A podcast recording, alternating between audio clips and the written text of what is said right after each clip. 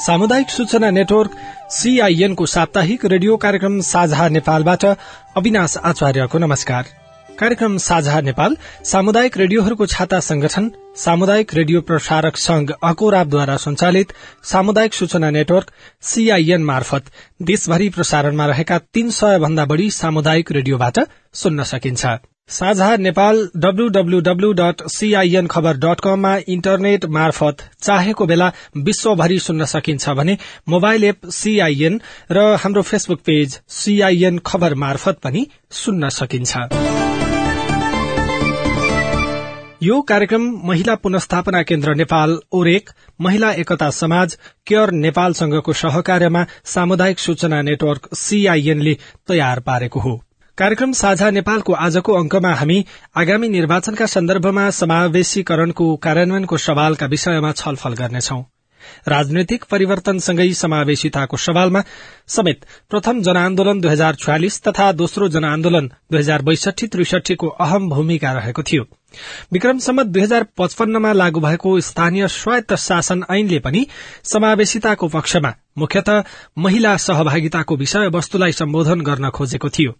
जसमा स्थानीय निकायमा पिछड़िएको जनजातिबाट अनिवार्य रूपमा प्रतिनिधित्व हुनुपर्ने कानूनी व्यवस्था गरेको थियो। देश संघीय संरचनामा गएपछि आगामी मंगिर चार गते दोस्रो पटक निर्वाचन हुँदैछ।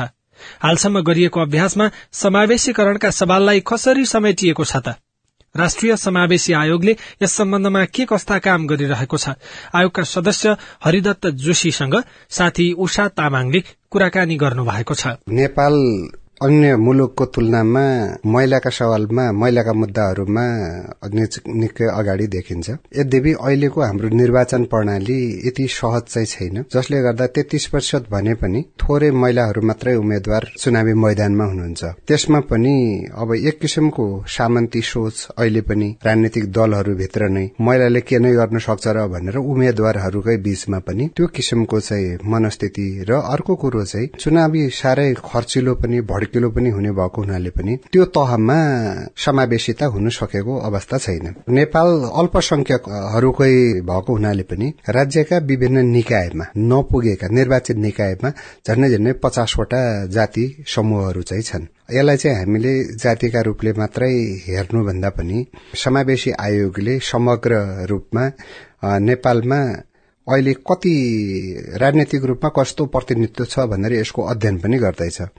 अनि खास गरिकन बैसठी त्रिसठी पश्चात अनि समानुपातिक र प्रत्यक्ष भनेर चाहिँ दुईटा छुट्याएको छ र तेत्तीस प्रतिशतको ग्यारेन्टी नै गरेका छ। स्थानीय निर्वाचनमा त राजनैतिक दलहरूले सानो कतैतिर कानूनमा छिद्र भेटायो भने त्यहीँबाट छिर्ने प्रयासहरू गरे। जबकि प्रमुख र उपप्रमुख मध्ये एउटा महिला अनिवार्य भन्ने थियो त्यो पनि यो यो पालि चाहिँ भएन र महिला संख्या समग्र रूपमा त बढेकै देखिन्छ। तर जसरी उपप्रमुख महिला प्रमुखमा महिला नदिए पनि उपप्रमुखमा चाहिँ अधिकांश ठाउँमा महिला चाहिँ जुन उम्मेद्वार हुन्थ्यो यसपालि त्यो संख्या घटेको छ। र हामी यसको अध्ययन गर्दैछौ। राजनीतिक दलहरूकै बीचमा चाहिँ लगेर त्यो छलफल गर्छौं। र यो हामी यो चारवटा अहिले दुईवटा निर्वाचन भनौं। र प्रदेश र संघको चाहिँ निर्वाचनमा अनि कुन कुन दलको प्रतिनिधित्व रह्यो कुन समूहको चाहिँ अहिलेसम्म एउटा पनि छैन भनेर हामी चाहिँ त्यो देखाउँदैछौँ र त्यो पचासवटा जाति समूहहरू चाहिँ अहिले पनि राज्यको विभिन्न निकायमा निर्वाचित निकायमा शून्य जस्तै अवस्था छ। त्यसको चाहिँ हामी यो निर्वाचन सकिए लगत्तै दुई तीन महिनाभित्रमा चाहिँ यसलाई चाहिँ हामी सार्वजनिकरण गर्छौं। अहिलेको चाहिँ त अब कानून अनुसार निर्वाचन आयोगले सबै तयारी पूरा गरिसकेको छ र अनुगमनका कामलाई चाहिँ अलिक तीव्रता चाहिँ गरेका छ र उम्मेद्वारको समावेशी सम्बन्धी कानून कार्यान्वयन भएको अवस्था छ छैन। मतदान शिक्षाको चाहिँ चेतना कार्यक्रम चाहिँ कसरी अगाडि बढ़िरहेछ यसमा चाहिँ सबैको पहुँच पुगेको छ कि छैन? प्रचार सामग्री पोस्टर पम्पलेट सभ्य दृश्य रेडियोबाट टेलिभिजनहरूबाट प्रसारण हुने सामग्रीहरू सबै छन् कि छैनन्? अपाङ्ग मैत्री ज्येष्ठ नागरिकको पहुँच हुने सुत्केरी महिला अनि बिरामीहरूको लागि छुट्टै व्यवस्था विशेष व्यवस्था गरेको छ छैन भनेर चाहिँ अनुगमनको क्रममा पनि हामी जान्छौं। र निर्वाचन आयोगले भर्खरै मात्रै पनि भनेको छ निर्देशनै दिएको छ कतिवटा त हामी अपाङ्ग मैत्री बनाउँछौ भनेर भनेका छन्। कतिपय ठाउँमा प्रदेशमै पनि हामी अपाङ्ग मैत्री बुथहरू बनाउँछौ भनेर उहाँहरूले प्रतिबद्धता व्यक्त गर्नु भएको छ र अनि शुरूआत पनि गरिरहनु भएको छ। लोपन्मुख अथवा सीमान्तकृत अति सीमान्तकृत समुदायमा छन्। त्यो जातिबाट त कसैको प्रतिनिधित्वै भएको छैन। त्यसबाट पनि महिला प्रतिनिधित्व हुने त कल्पनै गर्न नसक्ने स्थिति भयो। यस्तो अवस्था चाहिँ किन हुन आयो र राष्ट्रिय समावेशी आयोगले चाहिँ यस सम्बन्धमा रहेर कसरी काम गरिरहेको छ? हामी के भन्छौं भन्दाखेरि जाति भन्दा पनि त्यहाँभन्दा वर्गीयलाई चाहिँ बढी प्राथमिकता दिनुपर्छ। दलित महिलाहरू जनजातिभित्र पनि थुप्रै जुन पछाडि परेका छन् पछाडिबाट डाउन टु अप गर्नुपर्छ। तलदेखि चाहिँ उनीहरूको क्षमता अभिवृद्धि गर्ने उनीहरूलाई चाहिँ दक्ष बनाउने सक्षम बनाउने र मूल प्रवाहमा ल्याउने। जबकि सबैको यो चाहिँ हाम्रो साझा फुलबारी हो। हामी सयौं थुङ्गा फुल्का हामी भनेर चाहिँ गीत गाउँछौ। राष्ट्रिय गीत नै हाम्रो त्यस्तो छ भनेपछि यो फुलबारीमा चाहिँ सबै फुल्नु पाउनुपर्छ। सबैले चाहिँ यो राज्य मेरो हो मेरो प्रतिनिधित्व छ भन्ने किसिमको चाहिँ अनुभूति गर्न पाउनुपर्छ। त्यो पाउनुको निम्ति राजनैतिक दल नै पहिला सचेत हुनु पर्यो र त्यहाँ भित्रका चाहिँ समूह उपसमूहलाई कसरी हामी मूल प्रवाहमा ल्याउँछौ भनेर त्यो किसिमको एजुकेशनको आवश्यकता छ त्यो किसिमले सक्षम बनाउन आवश्यकता छ। यो निर्वाचन सम्पन्न भइसकेपछि दुई तीन महिना भित्रै दुईटा अवधिको निर्वाचनको फेरिस्तो ल्याउँछौ र राजनैतिक पार्टीका नेताहरूसित त्यो फेरिस्तो देखाउँछौ र उहाँहरूलाई माथि उठाउने एप्रोच के? कसरी अगाडि बढाउन सक्छ भने हामी सुझाव पनि दिन्छौं। र त्यो सुझावमा चाहिँ अनि त्यसपछि हामी नेपाल सरकारलाई हाम्रो राष्ट्रिय समावेशी आयोगले पोलिसीमै सुझाव दिने हो सल्लाह दिने हो र यस्तो भइरहेछ है स्थिति भनेर चाहिँ अध्ययन अनुसन्धान गर्ने हो। त्यो काम राष्ट्रिय समावेशी आयोग लागि परेको छ यसको निम्ति हामी चेतना अभिवृद्धि गराउने काम लक्षित समूहसम्म आफ्ना कुराहरू अनि भएका कानूनहरूको कार्यान्वयनको अवस्था कस्तो छ त्यो चाहिँ गर्ने। कानूनमा ग्याप भएको उसमा पनि पोलिसीमा ग्याप भएको कुराहरूलाई पनि पोलिसी फिडब्याक दिने काम पनि हामीले गरिराखेका छौँ। अब यसैमा चाहिँ जस्तो प्रत्यक्षतर्फ त निर्वाचन हुँदैछ। सम्भवतः आठ दिन पछाडि हामी निर्वाचनमा जाँदैछौ। त्यस पछाडि नतिजा आउला कुन दलले कति सीट ल्याउने हो त्यसको हिसाबमा फेरि समानुपातितर्फको निर्वाचन प्रणाली शुरू हुन्छ। अब यस्तोमा पनि सिफारिशमा परेका मध्ये पनि समानुपातिक ढंगबाट अथवा समावेशी दृष्टिकोणबाट चाहिँ धेरैभन्दा धेरै संसदमा प्रतिनिधित्व गराउनु पर्छ भन्ने हिसाबले चाहिँ तपाईँहरूको तयारी केही छ कि छैन? अब यो बीचमा चाहिँ हामीले अध्ययनको रिपोर्टको आधारमै अब फेरि हामीले बोल्नुपर्ने हुन्छ। सत्यको आधारमा सत्यबाटै तथ्य पत्ता लगाउने हो। अनि सकेसम्म अनि हामी त्यो डाउन टु अप भन्नेको चाहिँ त्योभन्दा जुन पुछारमा पिदमा रहेको चाहिँ वर्ग छ त्यो समूह छ त्यसलाई माथि उठाउनको निम्ति। अनि राजनैतिक दलहरूले निर्वाचन प्रणालीले यसमा चाहिँ ध्यान पुर्याउनुपर्छ भन्ने नै हो। जसले गर्दाखेरि जुन विभिन्न अवसरबाट वञ्चित भएका त्यो दलित होस् त्यो महिला होस् त्यो जनजाति होस् त्यो चाहिँ थारू होस् त्यो मुस्लिम होस् त्यो मधेसी होस् त्यो सबैको हकमा पछाडि परेका छन् जुन पिदमा छन् तिनीहरूलाई माथि उठाउने पोलिसी हुनुपर्छ भन्ने विषयमा चाहिँ राष्ट्रिय समावेशी आयोग एकदम सचेत छ। यसको निम्ति हामी पोलिसी बनाउँदैछौ। अब सरस्वती हेर्ने हो भने लगभग दुई हजार छ्यालिस सालपछि नेपालले महिलासँग सम्बन्धित धेरै अन्तर्राष्ट्रिय सन्धि सम्झौतामा पक्ष भइसकेको अवस्था र तदनुरूप चाहिँ नेपाल कानूनमा महिला समावेशितालाई अंगीकार पनि गरिएको छ। ऐन कानून हेर्ने हो भनेदेखि त एकदम प्रष्ट व्यवस्था पनि छ। यदि ती सबै ऐन कानून चाहिँ अक्षर छ जसले जसरी पालना गर्नुपर्ने हो त्यसरी पालना गरिएको भए त तपाईँ हामी अहिले यो विषयमा बहस नै गर्दै हुन्थेनौ होला होइन?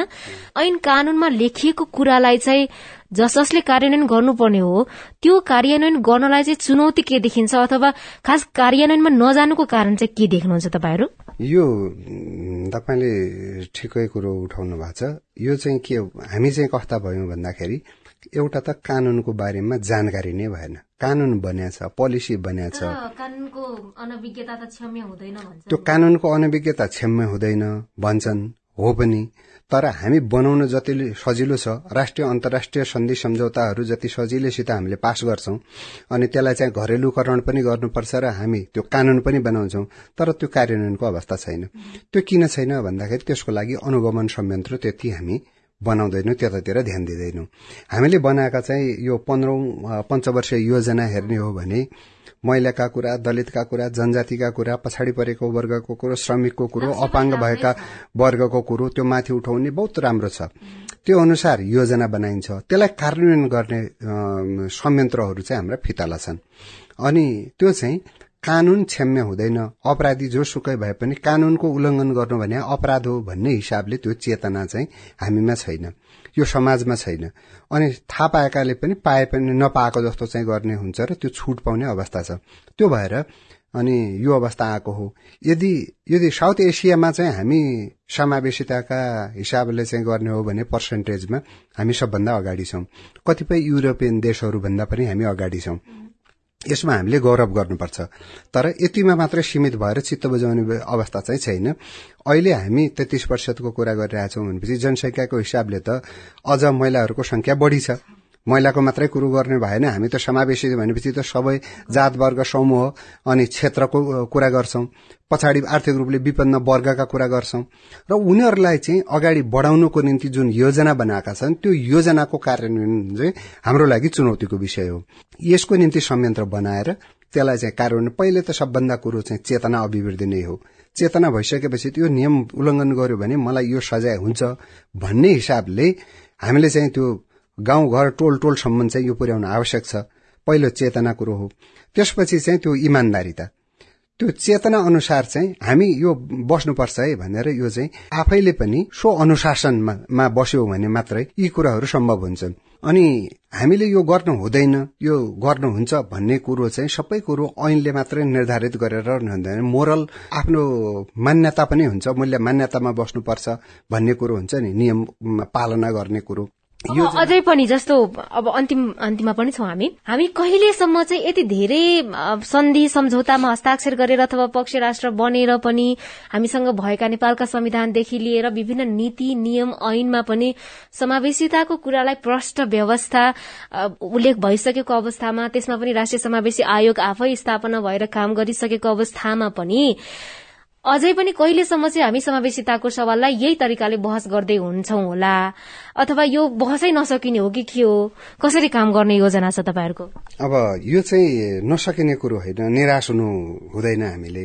अनि जे कुरो चाहिँ हामीले त्यहाँभित्र भएका कुराहरू नियम कानून कार्यान्वयनको अवस्था मानव अधिकारको कुरो अनि यी कुराहरूलाई चाहिँ हामी कतिपय कुरो त मान्छेको मानव अधिकारसित मौलिक हकसित जोडिएका हुन्छन् मानव अधिकारसित जोडिएका हुन्छन्। त्यसलाई चाहिँ कार्यान्वयन गर्नको निम्ति नियम कानून बनाएको छ। हामी अनि अग्रगमनतिरै छौं। हामी पछाडि परेका छैनौं। निराश हुने अवस्था छैन। तर निरन्तर चेतना अभिवृद्धिको कुरो र नागरिकलाई जिम्मेवार बनाउने कुरो राजनीतिक पार्टीहरूलाई जिम्मेवार बनाउने कुरो चाहिँ यो निरन्तर प्रक्रिया हो। र यो गर्दै जाने हो भने हामी निश्चितै रूपमा हाम्रो लक्ष्य उद्देश्य चाहिँ प्राप्त गर्न सफल हुन्छौं जस्तो लाग्छ। र राष्ट्रिय समावेशी आयोगले जुन कामको थालनी गरेको छ यद्यपि अब सीमित स्रोत साधनका बीचमा पनि जुन किसिमले चाहिँ आफ्नो अध्ययनलाई अगाडि बढिरहेको छ जुन किसिमले चेतना अभिवृद्धिको काम गरिरहेछ यसले चाहिँ हामी पोजिटिभ वेमै छौं। यसले चाहिँ राम्रै संकेत गरिरहेछ भन्ने चाहिँ हामीलाई अनुभूति भइराखेको छ। र यसलाई चाहिँ हामी निरन्तर दिन्छौं। र निश्चित रूपमा हामी नकारात्मक भन्दा पनि सकारात्मक सोचका साथ अगाडि बढ्यौं भने निश्चित रूपमा हाम्रो लक्ष्यहरू पूरा हुन्छन् र नागरिक समाज पनि त्यत्तिकै जिम्मेवार हुन्छ। हामीले गरेका सन्धि सम्झौताहरू नियम कानूनहरू पालना गर्ने तहमा चाहिँ पुग्छौं। हामीसित अहिले तीन तहको चाहिँ सरकार छ। तीनै तहका सरकारले आफ्नो ठाउँबाट जिम्मेवारी लिने हो भने यो चाहिँ गाह्रो छैन असम्भव कुरो पनि छैन।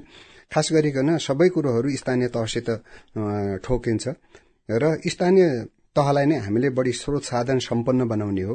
त्यहीबाट चाहिँ हामीले जगबाटै स्थानीय तह भनेको चाहिँ हाम्रो जग नै हो। र त्यसै त्यहीँबाट हामी सुदृढ बनाउँदै गयौं भने हाम्रो एजुकेशन सिस्टममै पनि त्यो चेतना अभिवृद्धिका कुराहरू विद्यालयदेखि लिएर कलेज तहमै पनि आधारभूत मानव अधिकारका कुराहरू अनि जिम्मेवारीका कुराहरू दायित्व नाग के अरे नैतिक शिक्षाका कुराहरू हामी दिन थाल्यौं भने चाहिँ हाम्रो उत्पादन नै नैतिकवान बन्छ। नैतिकवान समाजले चाहिँ नियम कानून उल्लंघन गर्नेतिर चाहिँ लाग्दैन।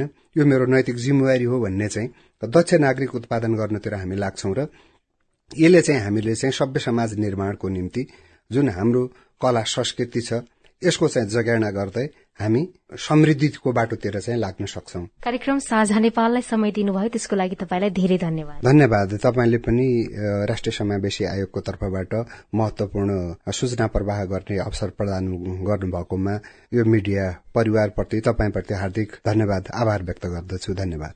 उहाँ हुनुहुन्थ्यो राष्ट्रिय समावेशी आयोगका सदस्य हरिदत्त जोशी। तपाई अहिले देशभरका सामुदायिक रेडियोसँगै सामुदायिक सूचना नेटवर्क सीआईएनबाट कार्यक्रम साझा नेपाल सुन्दै हुनुहुन्छ।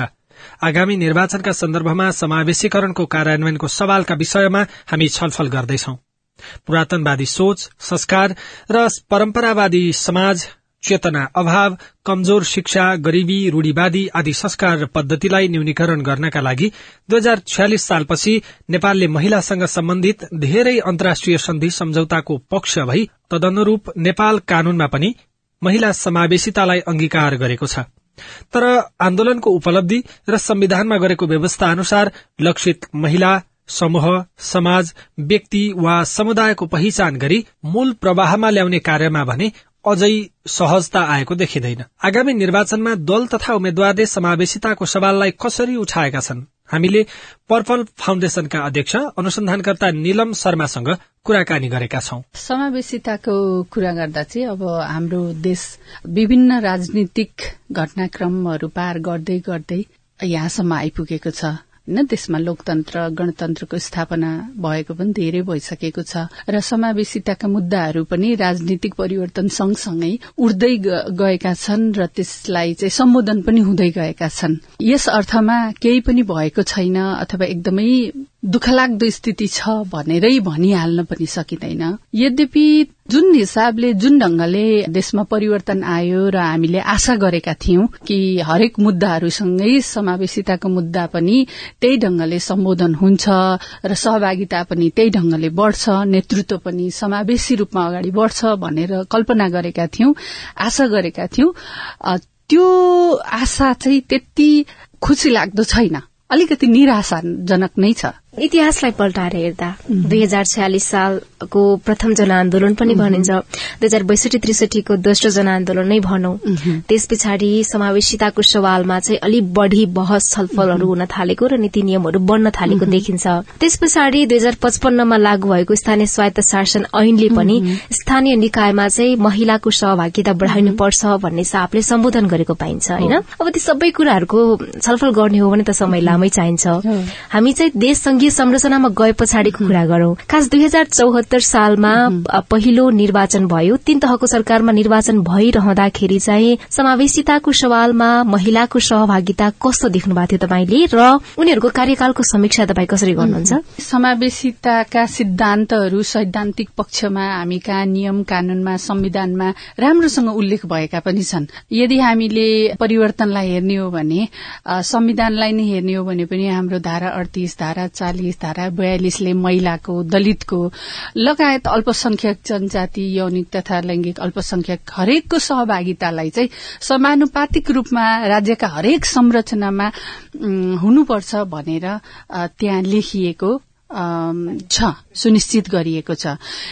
र त्यस सँगसँगै स्थानीय निर्वाचनको कुरा गर्नुभयो तपाईँले। स्थानीय निर्वाचन र संघीय निर्वाचन हाम्रो प्रादेशिक निर्वाचन सबैतिर पनि केही उत्साहजनक रूपमा महिलाहरूको सहभागिता बढ़ेको पनि हो। किनभने हामीले उप प्रमुखहरूलाई नै हेर्ने हो भने पनि संख्यात्मक रूपमा चाहिँ वृद्धि भएकै पाइन्छ। यद्यपि संख्यात्मक रूपमा मात्रै वृद्धि भए पनि उहाँहरूको कार्यकाल कस्तो रह्यो उहाँहरूले काम गर्ने कतिको अवसरहरू पाउनुभयो उहाँहरूमाथि विभिन्न खालका हिंसाहरू भए वा भएनन् उहाँहरूको क्षमतालाई अभिवृद्धि गराउने कति प्रयास गरियो भन्ने कुराहरू चाहिँ फेरि पनि प्रश्न चिन्हकै रूपमा छन्। होइन? हामीले यहीलाई समीक्षा गरेर हेर्दा पनि अब चौरात्तरको निर्वाचन स्थानीय निर्वाचन र अहिलेको निर्वाचन हेर्नुहुन्छ भने संख्यात्मक रूपमा पनि महिलाको संख्या चाहिँ बढ़नुको सट्टा घटेको पाउँछौ हामी। त्यो ज्यादै दुःख लाग्दो कुरो छ। यदि हामीले चाहिँ समावेशी नेतृत्वलाई चाहिँ प्रवर्धन गर्ने चाहिँ साँच्चीकै हाम्रो लक्ष्य भएको भए त्यो संख्या चाहिँ दोब्बर नै नभए पनि केही प्रतिशत त बढेर जानुपर्ने हो नि। तर त्यो संख्या घटेर गएको छ। त्यसले के देखाउँछ त भन्दा महिलाहरू महिला मात्रै भन्दिनँ म महिला लगायत अन्य सीमान्तकृत जनजाति जो जति पनि छौं हामीहरू उहाँहरूलाई ल्याउन पनि खोजियो। तर सँगसँगै विभिन्न प्रक्रियाहरूले संरचनागत कुराहरूले नीति नियमहरूले चाहिँ पछाडि पनि पार्दै लगियो। यो दुईटै कुरा सँगसँगै अगाडि बढेको देखिन्छ। अब यसैमा चाहिँ कुरा गर्दाखेरि जस्तो तपाईँले आफैले अनुसन्धान पनि गर्नु भएको छ होला तथ्याङ्कको हिसाबले पनि भन्दाखेरि स्थानीय तहको निर्वाचनमा चाहिँ महिलाको सहभागिता कम भएकै देखिन्छ। त्यसमा पनि गठबन्धन त एउटा प्रमुख जिम्मेवार नै हुने भइहाल्यो होइन? अब फेरि यसैमा कुरा गर्दाखेरि चाहिँ संघ वा प्रदेश जहाँ चाहिँ नीति बनाइन्छ त्यो नीति बनाउने ठाउँमा आवाज उठाउने ठाउँमा चाहिँ महिलाहरू अथवा महिला जति पनि आए समानुपातिक प्रत्यक्ष जसरी पनि भयो। उहाँहरूको भूमिका चाहिँ कस्तो देख्नुभयो अथवा त्यो संख्या नै पर्याप्त थियो कि थिएन? भूमिकाको कुरा गर्दाखेरि भूमिका दुई प्रकारले हुन्छ। एउटा त उहाँहरू भूमिका त्यो निर्णायक पदमा हुनुहुन्छ कि हुनुहुन्न? साँच्चीकै निर्णायक भूमिकामा उहाँहरू पुग्न सक् सफल हुनु भएको छ अथवा पुर्याइएको छ कि छैन भन्ने एउटा प्रश्न आउँछ। दोस्रो प्रश्न उहाँहरूले पाएको भूमिकालाई पनि आफ्नो स्वतन्त्र ढंगले कति प्रयोग गर्न पाउनु भएको छ भन्ने कुरा पनि आएको छ। अब तपाईँले विभिन्न हेर्नु समाचारहरू अनेक कुराहरू हेर्दा पनि जहाँ जहाँ महिलाहरू प्रमुख अथवा उपप्रमुख हुनुहुन्थ्यो त्यो ठाउँहरूमा धेरै राम्रा राम्रा कामहरू भएको पनि हामीले सुनेका पढेका देखेका छौं। यो अर्थमा महिला नेतृत्व गर्न सक्दैन भन्ने कुरा होइन। तर उहाँहरूलाई त्यो अवसर कति प्राप्त छ भन्ने पनि प्रश्न आउँछ। संसदमा पनि भूमिका राम्रो निश्चय नै जो जति हुनुहुन्थ्यो उहाँहरूले आफ्नो भूमिका निभाइ आउनु भएको छ। तर त्यहाँ पुग्न कति सफल हुनुहुन्छ कस्ता कस्ता चुनौती बिहोर्नु परेका छन् त उहाँहरूलाई त्यहाँसम्म पुग्न त्यहाँसम्म आफ्ना कुराहरू राख्न आफ्ना मुद्दाहरू उठाउन भन्ने फेरि अर्को अनुसन्धान र प्रश्नकै विषय हो। अहिले देश चुनावमय बनेको छ। मङ्सिर चार गते निर्वाचन हुँदैछ प्रदेशको प्रतिनिधि सभाको। त्यसमा चाहिँ जम्मा नौ प्रतिशत मात्रै महिला प्रत्यक्षतर्फ उठेका छन्। समानुपातिकमा हेर्ने हो भने समानुपातिकको जुन एउटा मर्मले ल्याइएको थियो त्यो प्रणाली त्यसको मर्मै मर्ने गरेर समानुपातिकतर्फ उम्मेद्वारहरू सिफारिश गरिएका छन्। सरस्वती सबै हेर्ने हो भने। उम्मेद्वारीकै कुरा गर्दाखेरि चाहिँ समावेशिताको सवालमा त्यसमा पनि लैंगिक दृष्टिकोणले चाहिँ तपाईँले कसरी विश्लेषण गर्नुभयो? यो त उषाजी यो लाजमर्दो छ। यस यसलाई विश्लेषण गरेर हेर्ने हो भने है। अब समावेशिताको कुरा गर्ने समावेशी लोकतन्त्र हो भन्ने तर केही सीमित व्यक्तिहरू सीमित जातका सीमित वर्गका मान्छेहरू चाहिँ सधैँभरि नेतृत्वमा पुग्ने र उनीहरूले नै सबै निर्णयहरू गर्ने क्षमता भएका व्यक्तिहरूलाई महिलालाई सीमान्तकृत वर्गका व्यक्तिहरूलाई चाहिँ पाखा लगाउने यो एकदमै छर्लङ्गै देखिएको छ। यो निर्वाचन निर्वाचनले देखाएको छ। कुनै एउटा पार्टी विशेषको कुरा होइन। यहाँका राजनीतिक दलहरू सबै एउटै खालका देखिएका छन्। नौ प्रतिशत देखिएको छ महिलाको उम्मेद्वारी। अब त्यो भित्र केलाएर हेरौं न। अझै त्यो भित्र महिलाहरू भित्र पनि छुट्याएर हेरौं। त्यसरी हेर्दा त झन दलितको सहभागिता छँदै छैन दलित महिलाको। र अन्य मधेसी महिलाहरूको कुरा गरौं लैंगिक तथा यौनिक अल्पसंख्यकका कुरा गरौं अन्य पछाडि पारिएका जात जातिका कुरा गरौं। त्यो त्यो कहाँनिर छ? त्यो त काहीँ पनि देखिँदैन हामीले हेर्दाखेरि त। त्यसरी महिलाको मात्रै कुरा होइन अन्य जात जातिको पनि कुरा छैन। यसो हेर्दा यसरी राजनीतिक पार्टीहरूले चाहिँ बोलीमा र व्यवहारमा चाहिँ आफ्नो समानता ल्याउन नसकेको स्पष्ट रूपमा देखिन्छ। अहिलेको यो उम्मेद्वारीको क्रम हेर्दाखेरि र सिफारिशमा परेका उम्मेद्वारहरूलाई हेर्दाखेरि चाहिँ तपाईँले के अनुमान लगाउनुहुन्छ कि मंगिर चारको निर्वाचनपछि जुन नेतृत्व आउँछ त्यो नेतृत्वले चाहिँ समावेशिताको मर्मलाई मर्न नदिने गरेर अथवा जुन हिसाबले चाहिँ उनीहरूले काम गर्नुपर्ने हो अथवा यो पाँच वर्षमा केही होला भन्ने आशा राख्न सकिन्छ? म त्यति आशावादी छैन। हुन त आशावादी हुनुपर्ने हो। तर यो जुन व्यवहार अहिलेको परिस्थिति देखिएको छ त्यसले गर्दा आशावादी छैन। तेत्तीस प्रतिशत उहाँहरूले चाहिँ तेत्तीस प्रतिशत त्यो देखाउनको लागि टोकनिजमको रूपमा ल्याउने होइन नि। साँच्ची नै देशलाई चाहिँ समावेशी रूपमा समावेशिताको सिद्धान्तको आधारमा अगाडि बढ़ाउने हो समाजलाई अगाडि बढ़ाउने हो भने त त्यो त नेतृत्वका हरेक पक्षमा देखिनुपर्छ। पार्टी राजनीतिक दलहरूको आन्तरिक संरचनामा देखिनु दिनुपर्छ नेतृत्वको यो यो समानुपातिकमा मात्रै होइन प्रत्यक्ष निर्वाचनमा पनि देखिनुपर्छ। यदि उहाँहरूले चाहिँ हामी ल्याउनै कि त उहाँहरूले भन्नु पर्यो हामीले नेतृत्वै त्यो बनाउन सकेका छैनौं त्यो स्वीकार्नु पर्यो होइन भने उहाँहरू किन यसरी पाखा लाउँदै हुनुहुन्छ? किन उहाँहरू चाहनुहुन्न? महिला नेतृत्वलाई ल्याउन समावेशितालाई चाहिँ स्वीकार्न त्यही अनुसारको उम्मेद्वारी दिन नेतृत्वमा ल्याउन किन चाहनुहुन्न भन्ने कुराको चाहिँ राजनीतिक दलहरूले चाहिँ स्पष्ट रूपमा यसको जवाफ दिनुपर्छ अब। जति पनि महिलाहरू अथवा जुनसुकै वर्ग समावेशिताको सवालबाट हेर्दाखेरि समावेशी भनेर चिनिने जति पनि समूहहरू चाहिँ निर्वाचित भएर संसदमा पुग्छन् नि हो उहाँहरूले चाहिँ यो पाँच वर्षमा चाहिँ कुन कुन काम गरिदियो भने अर्को निर्वाचनसम्म चाहिँ धेरै कुरा सहज हुन्थ्यो होला। एउटा कुरा त उषाजी सबभन्दा पहिलो मैले तपाईँलाई यहाँ एउटा कुरा भन्नै पर्ने के हुन्छ भने हामीले भर्खरै एउटा अनुसन्धान गरेका छौं। भर्खरै सकिएको छ। यो अनुसन्धान चाहिँ राजनीतिमा सक्रिय महिलाहरूको विरूद्ध राजनीति गर्दै गर्दा चाहिँ हुने लैंगिक हिंसाको स्थिति कस्तो छ भन्ने अनुसन्धान गरेका थियौं। त्यो अनुसन्धानले के देखाउँछ भने एकानब्बे प्रतिशत महिला तथा लैंगिक तथा यौनिक अल्पसंख्यक त्यसभित्र चाहिँ विभिन्न जाति वर्ग उमेर समूह राजनीतिक दल शैक्षिक स्तर सबै किसिमको रेस्पोन्डेन्टहरू त्यहाँ सहभागी हुनुहुन्थ्यो। एकानब्बे प्रतिशतले चाहिँ राजनीतिमा लैंगिक हिंसा व्याप्त छ भनेर भन्नुभएको छ। त्यसो भनिरहँदा उहाँहरू मध्ये छैसठी प्रतिशतले चाहिँ आफैले त्यो हिंसा भोगेको छु भनेर भन्नुभएको छ। र अर्को अनौठो एउटा कुरा के छ त भन्दा त्यो हिंसा गर्ने व्यक्ति को हो त भनेर तपाईँले सोध्न सक्नुहुन्छ। त्यो हिंसा गर्ने व्यक्ति चाहिँ एकसठी प्रतिशतले मेरै राजनीतिक दलभित्रको आफ्नै साथी आफ्नै कलिग आफ्नै समितिमा बसेको कमिटिमा बसेको राजनीतिक दलभित्रको व्यक्तिले चाहिँ हिंसा गरेको छ माथि भन्ने कुरा चाहिँ अनुसन्धानले देखाएको छ। भनेपछि सबभन्दा पहिला त त्यो स्थितिलाई चाहिँ हटाउनु पर्यो। ती हिंसाभित्र चाहिँ विभिन्न खालका पर्छन्। शारीरिक मानसिक क्षमतालाई अवमूल्यन गर्ने स्थान नदिने मान्छेलाई चाहिँ होच्याउने नराम्रा शब्दहरूको प्रयोग गर्ने गाली गर्ने उसको चाहिँ जहिले पनि लाई चाहिँ पाहा लाउन खोज्ने र अहिले आएर त अनलाइन माध्यमबाट यो सामाजिक सञ्जाल मार्फत पनि एकदमै हियाउन खोज्ने केही विचारहरू दियो भनेपछि चाहिँ एकदम नराम्रा तल्लो स्तरका टिप्पणीहरू गरेर उसलाई सार्वजनिक स्पेसबाट आउट गराउने त्यो भइरहेको छ। सबभन्दा पहिला त त्यो स्थितिको चाहिँ निराकरण हुनु पर्यो होइन? त्यो हुनु भनेकै यदि त्यो गर्न सकियो भने पनि एउटा सहज वातावरण बनिन्छ। दोस्रो त अब राजनीतिक दलहरूले तपाईँले भन्नुभयो जस्तै के गर्यो भने चाहिँ हुन्छ? भन्नुभयो। अब नेतृत्व तयार पार्नु पर्यो नि त।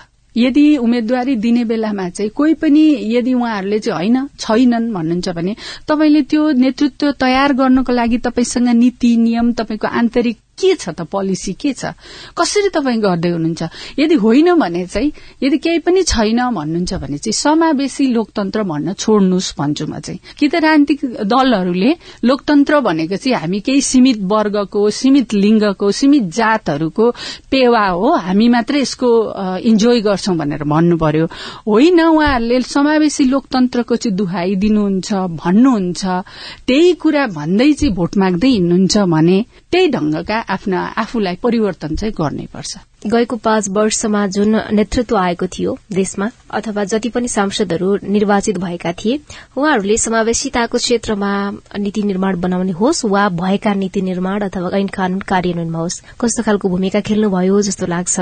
र आगामी यो पाँच वर्षमा चाहिँ कुन कुन कुराहरूमा प्राथमिकताका साथ काम गर्यो भनेदेखि चाहिँ साँच्चीकै समावेशिताको यो जति पनि सवालहरू उठिराखेका छ यसले साँच्चीकै राम्रो खालको व्यवस्थित बन्न सक्छ होला। उहाँहरूले खेल्नु भएको भूमिका सबै नकारात्मक त म भन्दिन होइन? केही सकारात्मक कुराहरू थिए तब नै हाम्रा नीति नियमहरू पनि बने।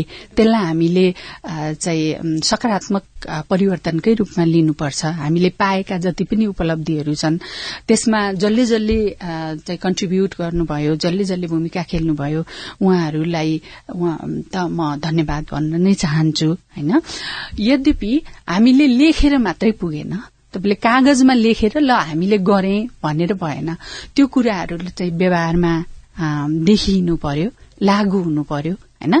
त्यसको लागि चाहिँ हामी के कुरा सबैले स्वीकार्नु पर्यो भने हामी फरक फरक हौ तर हामी समान हौ। फरक छौं। हामी हाम्रो जाति फरक होला हाम्रो लिङ्ग फरक होला हाम्रो वेशभूषा फरक होला बोलीचाली फरक होला। तर हामी सबै समान त हौ नि। फरक तर समान हौ भन्ने कुरालाई चाहिँ मनन गरेर त्यही अनुसारका हाम्रा व्यवहारहरू नीतिहरू चाहिँ लागू गर्नु पर्यो। यदि त्यसो हुन सकेन भने चाहिँ जुन राजनीतिक दलहरूले भनिआएका छन् अहिले चुनावको बेलामा झन धेरै सुनिन्छ हामी देश समृद्ध बनाउँछौ भनेर।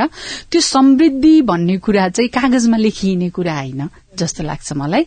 हामीलाई समय दिनुभयो त्यसको लागि धेरै धन्यवाद। थ्याङ्क यू सो मच उषाजी मेरो विचारहरू मेरो उसलाई राख्ने मौका दिनुभएकोमा। पर्पल फाउन्डेशनका अध्यक्ष अनुसन्धानकर्ता निलम शर्मासँगको यो कुराकानीसँगै हामी कार्यक्रम साझा नेपालको अन्त्यमा आइपुगेका छौं। कार्यक्रम तपाईंलाई कस्तो लाग्यो? हाम्रो टेलिफोन नम्बर शून्य एक बान्न साठी छ चार छमा फोन गरेर आफ्नो जिज्ञासा सल्लाह सुझाव तथा प्रतिक्रिया रेकर्ड गर्न सक्नुहुन्छ। हवस् आउँदो साता आजकै समयमा फेरि रेडियो कार्यक्रम साझा नेपाल लिएर उपस्थित हुनेछौ। त्यतिन्जेलसम्मका लागि प्राविधिक साथी सुरेन्द्र सिंहलाई धन्यवाद दिँदै अविनाश आचार्य विदा हुन्छु। आउँदो साताको साझा नेपालमा फेरि भेटौला। नमस्कार।